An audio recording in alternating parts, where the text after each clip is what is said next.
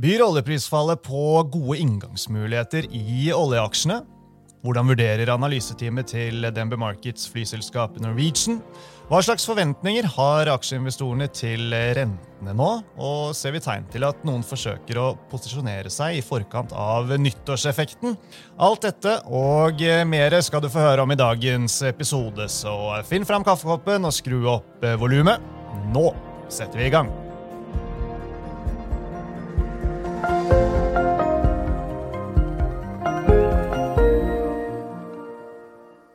Velkommen til eh, Utbytte, DNB-podkasten der vi forklarer hva som skjer i den globale økonomien og finansmarkedene.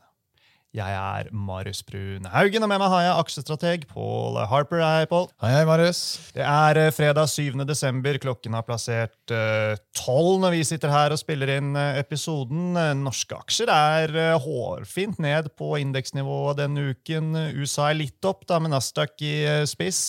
De amerikanske langrentene er under 4,2 og har kommet ytterligere ned siden vi satt her forrige uke, Paul.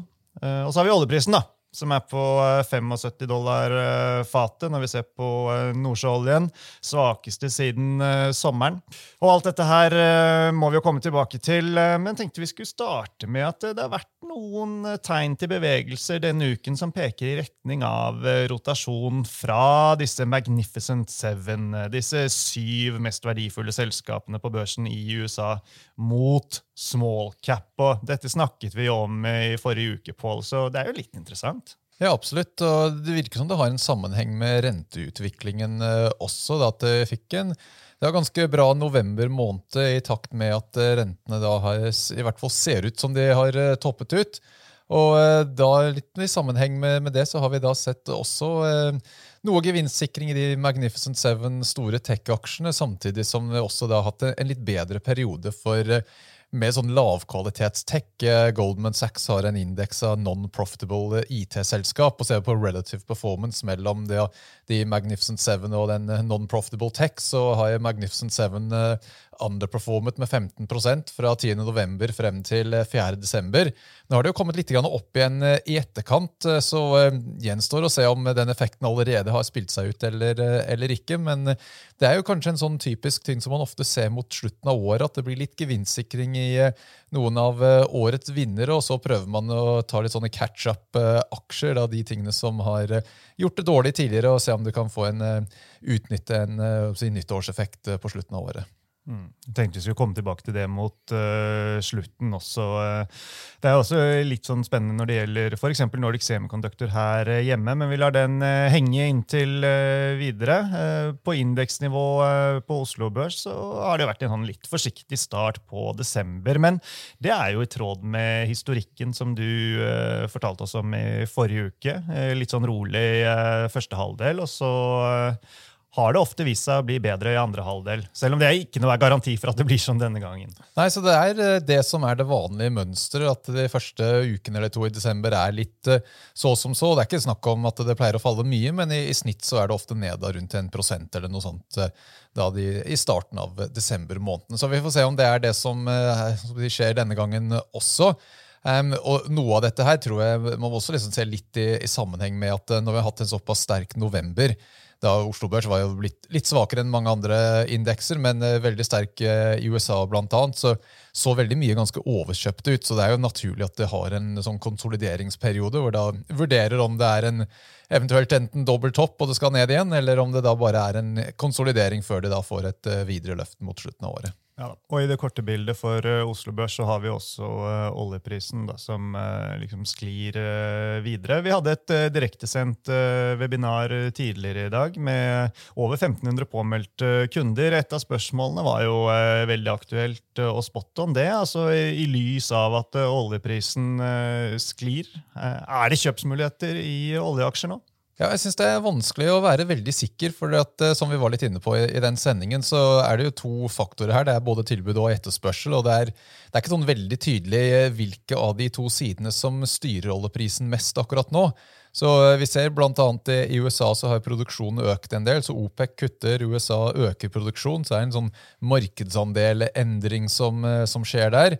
Og det er kanskje da litt mer produksjon enn en ventet eh, fra USA. Men samtidig så har det også vært litt sånn at den gjenåpningen av Kina, som det var veldig mye forventninger til da, for et år siden, har vist seg i etterkant å være litt skuffende. Det har liksom ikke vært den eh, store oppgangen i etterspørselen eh, for olje og egentlig andre råvarer også. Mm. Så hvilke av de to faktorer er den viktigste, er ikke så lett å være veldig sikker på, syns jeg. Og det gjør det også da vanskelig å ha noen sånn veldig tydelig konklusjon om dette er altså tegn til at det er svekkelse i etterspørsel som gjør at oljeprisen fortsetter ned, eller om det er bare noen midlertidige faktorer og det er i ferd med å få en, en rebound opp igjen. Ja. Oljeanalytikeren vår her på huset, Steffen eh, Evjen, har jo sendt ut forhåndsomtaler på de store oljeaksjene denne uken. Det er fortsatt uh, lenge til uh, rapportene for eh, fjerde kvartal skal eh, legges fram. Men likevel, han gjentar kjøp på alle de tre store oljeaksjene. Kursmål 41 på Vår Energi, 365 kroner på Aker BP og 420 på Equinor. Så, og det er jo grunner selvfølgelig til at man skal være positiv her, Pål. Så spørsmålet er vel kanskje kan det komme bedre inngangsmuligheter, men da er vi tilbake til dette med timing. Da. Ja, jeg synes sånn teknisk så begynner en del av disse aksjene og kanskje ser litt, eh, litt svake ut nå. Jeg vil ikke kanskje si at det er direkte negativ eh, på det tekniske, men i hvert fall liksom mistet en del av den positive momentumen. Og en, en, viktig faktor som eh, også kom frem i de oppdateringene, at han har måttet kutte estimatene litt for Q4. så kvartal sånn cost to date oljepris ligger sånn lavt på 80-tallet, mens konsensus i Aker BP i hvert fall lå på rundt 88 for kvartalet. Så han har jo måttet kutte ned oljeprisanslaget for Q4. Det tipper jeg da at de fleste andre analytikerne må også gjøre når de kommer med sine previews, da mest sannsynlig sånn midten av januar en gang. Så vi har allerede egentlig innbakt en slags viss nedside til konsensusestimatene for uh, Oslo Børs allerede nå, når vi begynner å se inn i starten av, uh, av neste år.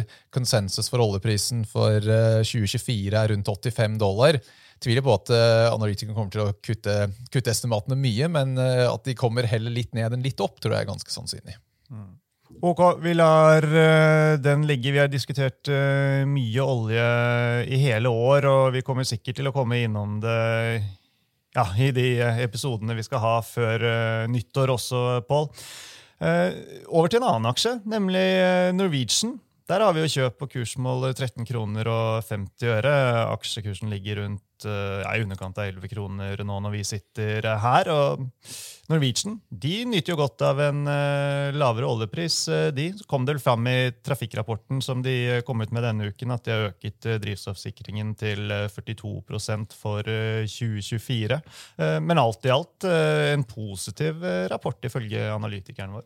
Ja, de har egentlig levert bra nå flere måneder, så det syns de har egentlig levert godt nå over en litt lengre periode, og viser at de gjør egentlig stort sett det aller meste riktig her, syns jeg. Og som du sier, så eh, Når oljeprisen faller, så er det jo det negativt for Oslo Børs totalt sett. Men det, det, er jo alltid noen vinnere, og Norwegian da er jo en av de som har en klar fordel fra dette her. Så jeg tror liksom det, det, store spørsmålet når det gjelder eh, Norwegian, at eh, jeg synes da spesielt med det fallet i oljeprisen og at de leverer bra, så det virker som konsensusestimatene om noe da kanskje heller har litt oppside enn nedside. Men det er dette her med klarer de å si, opprettholde den sterke etterspørselen ut i neste år. De signalene som de har sett så langt, virker bra, men det er jo alltid en viss fare for at eh, det er de med god råd har bestilt uh, tidlig, og så er det alle de som pleier å bestille litt senere, som kanskje de aldri kommer med de bestillingene. Så det er litt, der er det sånn i ferd med å liksom plutselig nå en, gå litt i veggen når det gjelder etterspørsel for flybilletter. For det er klart, det er jo en enkel måte å spare en del tusenlapper og droppe sånn helgeturer og, og sånne type ting. Eller er det det at de tar markedsandeler fra SAS, og at uh, stort sett så går det bra nok med norsk økonomi at det ikke er en big deal? Ja, Nei, den er ikke lett, uh, den der. Altså. Norwegian sa vel det at eh, de ser at sommerbookingen har startet tidligere enn det den gjorde i fjor. Og man skal i hvert fall ikke undervurdere folks ønske da, til å komme seg på ferie, og spesielt sommerferie. Jeg tror ja, fortsatt betalingsvilligheten er ganske høy for det, men uh, så er det jo dette poenget med at det strammes til på alle kanter ettersom eh, rentene kommer opp. Da. Ja, jeg syns det er litt uh, vanskelig, for du, hører mye anekdoter av folk som sliter, men det er ikke så lett å se det i tallene. Så det er det som om det bare er en lag her, at det bare tar litt tid før det blir mer synlig. Men vi hadde jo blant annet i kredittkortstatistikken eh, fra banken her at eh, Black Week var noe skuffende, tror jeg. Eller i hvert fall litt skuffende i forhold til våre forventninger. Jeg tror salget var ned et par prosent, men så må du også huske at eh, i mellomtiden så har det jo vært ganske mye inflasjon. Så justert for inflasjon så var det jo ned en god del mer. Så det er kanskje noe tegn til at det begynner å se effekten nå, men eh, det er ikke lett hvis du vandrer gjennom eh, Oslo sentrum. så Det er jo mye folk overalt, og det er fullt på restauranten osv. Så, videre, så det er vanskelig å helt vite hva status egentlig er på dette. Så hva kan vi si ut av det? Folk har nok av ting, men er villige til å betale for opplevelser? Ja, det har i hvert fall vært noe som jeg tror har kommet litt ut av den covid-perioden. At når man plutselig opplevde at man ikke hadde den muligheten til å reise, så har det blitt en slags pent-up demand for eh, reising. og Det er noe som eh, blir prioritert. Så det kan godt hende at dette er eh, noe som fortsatt har bra etterspørsel, og det er andre områder som istedenfor merker den mindre evnen til å betale. Eller så kan man snu på det, så kan man si at de såkalte tilbudene under Blackvik rett og slett ikke var bra nok. Ja, Det er jo også mulig. så Det er jo flere forklaringer som kan stemme her. så Det er det som er litt vanskelig. at Vi vet jo egentlig ikke fasiten på en, en god stund. og Da får vi liksom se litt eh, til hvilken grad eh, det egentlig er eh, i ferd med å virkelig bremse opp blant konsumentene, eller om dette er noe som det er enkelte som har utfordring, men som flertallet klarer seg ganske greit. Ok, La oss uh, gå over til å prate litt uh, aksjestrategi. da, Pål, altså Markedet jubler jo tilsynelatende for uh, fallende inflasjon og priser inn både rentekutt og myk landing til neste år. gjør de rett i å se så lyst på det? Ja, jeg tror Vår hovedcase er at det, det burde bli en myk landing i, i USA. Når, når, det er sagt, når vi sier myk landing, så blir jo det noe som vi egentlig mener at en myk landing utsetter en hard landing. Det gjør ikke at du da skal ha tre-fire år med ny oppgangssyklus. Så det har egentlig bare vært ett tilfelle hvor Fed har klart å få til en myk landing sent i syklusen. Det har vært et par andre tilfeller hvor de har fått det til når det har vært mer sånn mid-cycle, hvor ting har liksom begynt å bremse litt.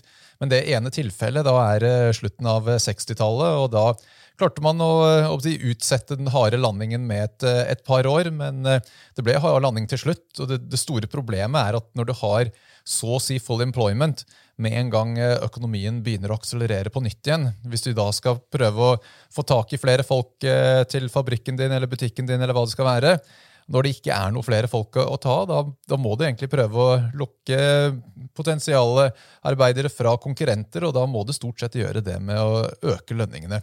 Så da kommer den inflasjonen fort tilbake igjen med en gang du får en ny runde med vekst i økonomien. Hvor mye rentekutt er det aksjeinvestorene priser inn at eh, den amerikanske sentralbanken eh, skal komme med neste år? nå da? Ja, altså i, I terminmarkedet nå så priser de inn fem kutt i løpet av neste år. Hvis vi ser på konsensus blant økonomene, så er det fire kutt. Så det er en liten mismatch med hva økonomene tror, og hva markedet priser inn. Så du kan si at hvis, eh, hvis økonomene har rett, da skal egentlig ikke tiårsrenten eh, ned, selv om Fed kutter. For det, markedet har jo allerede priset inn fem kutt. Så fire blir jo i så fall en, en skuffelse. Nå kan jeg jo si at Det er ikke nødvendigvis en, eh, at markedet tar feil her. for Det er en annen måte du kan vurdere det på. At markedet har en base case, at det er fire kutt. Men så er det en halerisiko at det kanskje blir, eh, hvis det blir en hard landing, da kan de jo få sånn type åtte eller ti kutt. eller noe sånt. Så det kan være en høy sannsynlighet for fire kutt, og så en liten sannsynlighet for vesentlig flere. og Da blir sånn snittet fem. Så det kan være at de tror på fem, eller det kan være at det er fire med en liten sånn forsikringspremie for en, en hard landing. Så det er vanskelig, det kan sånn tolkes litt, eh, litt forskjellig, det der. Ja, og Det som er så vanskelig med å forskuttere disse rentekuttene, i hvert fall fra sånn aksjeperspektiv, det er jo, man må jo stille seg spørsmålet hvorfor kommer disse eh, rentekuttene? Og så hvis de kommer, så av den riktige grunnen, da, så er, blir det jo hvor mange er nok for at uh, markedet skal komme bra ut av det. Ja, så Det er liksom alltid litt vanskelig når man skal gjøre backtester på, på dette. her, for Noen ganger så, så kutter man fordi at uh, ting går riktig vei, og andre ganger så kutter man fordi at det er en hard landing. og ting bremser veldig fort. Så det er uh, litt, litt, mer nyanser enn at du kan bare mate det inn i et regneark og spytte ut et uh, svar på dette her. Så altså, Det man kan i hvert fall si, er at forventningene til neste år er i hvert fall mer optimistiske enn forventningene var for 2023 for ett år siden. Så i starten, eller når vi tenker tilbake til desember i fjor, så var det egentlig konsensus at det skulle bli resesjon i 2023. Og eh, i etterkant altså viser det seg i USA i hvert fall, så har man egentlig fått et år med litt overtrend vekst. Så det har vært en stor positiv overraskelse for eh, makro. Denne gangen så er forventningene at det blir litt under trend, men eh, helt, helt ok. Så selv om, selv om, vi skulle klare å få til overtrendvekst, så blir det ikke allikevel like stor positiv overraskelse som, som, vi har hatt i år. Og det er vanskelig å se for seg helt hvordan du skal få en stor overraskelse to år eh, på rad her. For mye av den dynamikken som har eh, bidratt til sterk vekst i år, er ting som du, du vet liksom dabber av eh, til en viss grad nå i, i, 2024. Så da må det egentlig komme et eller annet uventet inn fra, fra, en eller annen kant som vi bare ikke har forutsett i det hele tatt. Ja. Og så står det vel på det du har sagt tidligere, at uh, markedet er uh, ganske dyrt relativt til uh, renter, altså aksjemarkedet. Og, og, så er det jo for tidlig kan man argumentere for, i hvert fall. Å være sikker på at eh, inflasjonsutfordringen er over. Selv om det har kommet betydelig ned. Ja, så jeg tror eh, På de neste månedene så kan vi si med ganske høy sannsynlighet at inflasjonen fortsetter videre nedover. For det er bl.a. den type husleiekomponenten hvor det blir sånn spredt litt utover en periode, så vi vet egentlig at det tallet kommer ned. For du kan se hva de nyeste kontraktene er priset på, og så blir det sånn smoothet ut over tolv måneder. Så det er ikke noe særlig fare for inflasjon når vi ser liksom de neste tre-fire månedene fremover. Men det er nettopp det hvor, hvor er lønnsvekstnivået når vi kommer ut i andre halvdel av neste år? Er det sånn at uh, vi får en reakselerasjon i økonomien, og da får det lønnsveksten begynner å, å tikke oppover igjen? Og da, hvis det blir en reprise av det vi så på 60-tallet, så, så, kommer inflasjonen da antageligvis til å kanskje komme ned til mål og så begynne å trekke oppover igjen. Og så risikerer vi at det blir en ny runde med renteøkninger, som jeg tror det er eh, for øyeblikket i hvert fall ingen som har eh, priset inn noe, noe stor sannsynlighet for det. Så risikoen for noen negative overraskelser er absolutt til stede når det er en forholdsvis optimistisk base case som uh, ligger til grunn nå. Ja, Det er rentemøter eh, både hjemme og ute neste uke. Eh, den amerikanske sentralbanken sitt. Eh, kan det flytte, flytte nålen på noen som helst måte?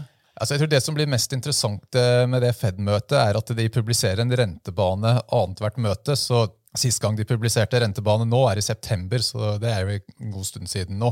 Så det blir spennende å se hvor mye de justerer den ned, for markedet ligger da vesentlig under den rentebanen. Så jeg ville tro at tviler egentlig på at de kommer til å justere den rentebanen så voldsomt mye. Jeg vil sånn gjette at de kanskje legger til grunn to rentekutt til neste år. Jeg tror ikke de vil egentlig liksom gi markedet noe mer si, push i den retningen av at de skal være veldig duete. For de har liksom en viss eh, insentiv her for å egentlig vente litt for lenge med rentekutt. For når du først har bommet med å undervurdere inflasjon én gang, så eh, blir det egentlig helt krise for dem å undervurdere inflasjon to ganger. Så det kan si nesten helt sikkert så kommer de til å vente litt for lenge med å kutte rentene denne gangen. Så jeg ville tro at uh, markedet da tror på jeg vil si, ja, priser inn fem kutt, men uh, det kanskje bare kommer to i den rentebanen, og så får vi se om markedet tror Fed bløffer, eller om det da blir skuffet av det. Innledningsvis så uh, nevnte du disse rentesensitive aksjene som har gått uh, bra relativt uh, til de store i en periode nå. her hjemme, Nordic Semiconductor, det har vært en aldri så liten rakett denne uken. Opp rundt sånn 15% fra bunnen mandag på i overkant av 95 kroner.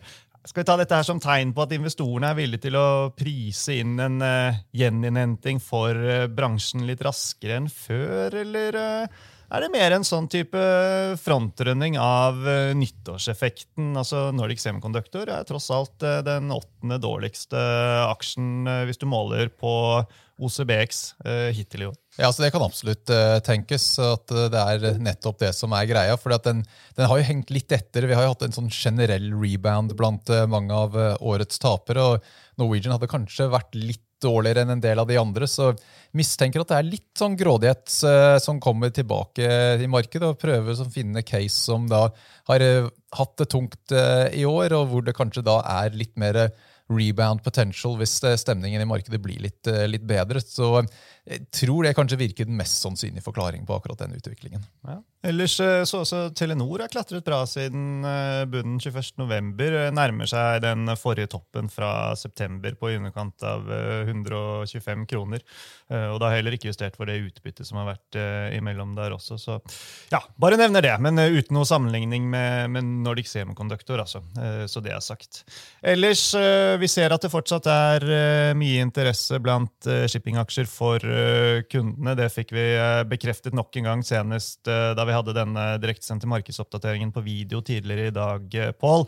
Så får jeg bare si at for alle som ønsker ditt ferske liksom, take på hva som skjer innen en del av shipping, så anbefaler dere å gå inn og se opptaket av den seansen, som er tilgjengelig i aksjehandelsløsningen til DNB.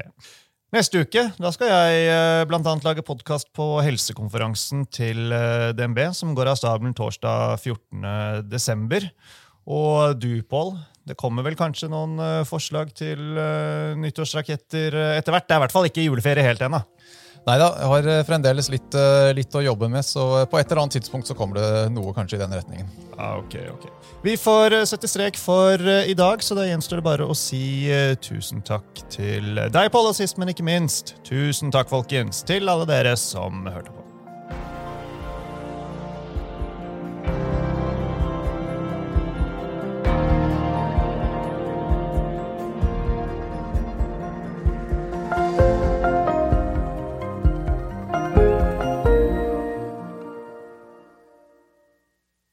Denne sendingen ble publisert i podkasten Utbytte.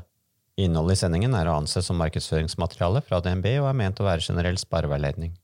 Sendingen skal ikke oppfattes som et tilbud om å kjøpe eller selge finansielle instrumenter, eller som investeringsrådgivning tilpasset den enkelte investors situasjon. En investor som har behov for råd eller har spørsmål om informasjon som gis, bør kontakte en finansrådgiver. DNB påtar seg ikke noe ansvar verken for direkte eller indirekte tap som følge av innholdet i sendingen legges til grunn for eventuelle investeringsbeslutninger. Husk at historisk avkastning aldri er noe garanti for fremtidig avkastning. Avkastningen kan bli negativ som følge av kurstap. Bruk av prognoser for å beregne fremtidig avkastning er heller ingen garanti for fremtidig avkastning. Innholdet i sendingen bygger på informasjon fra offentlig tilgjengelige kilder som DNB ser på som pålitelige, men som ikke er uavhengig verifisert. Følgelig gir DNB ingen garanti i forhold til nøyaktighet og fullstendighet. Alle uttalelser her reflekterer DNBs, den enkelte ansatte, eller andre tredjeparts vurderinger på tidspunktet for den aktuelle sendingen, og kan i ettertid endres uten nærmere beskjed. Ytterligere informasjon om bl.a. kildebruk og interessekonflikter er tilgjengelig på dnb.no skråstrek invest, bindstrek disclaimer.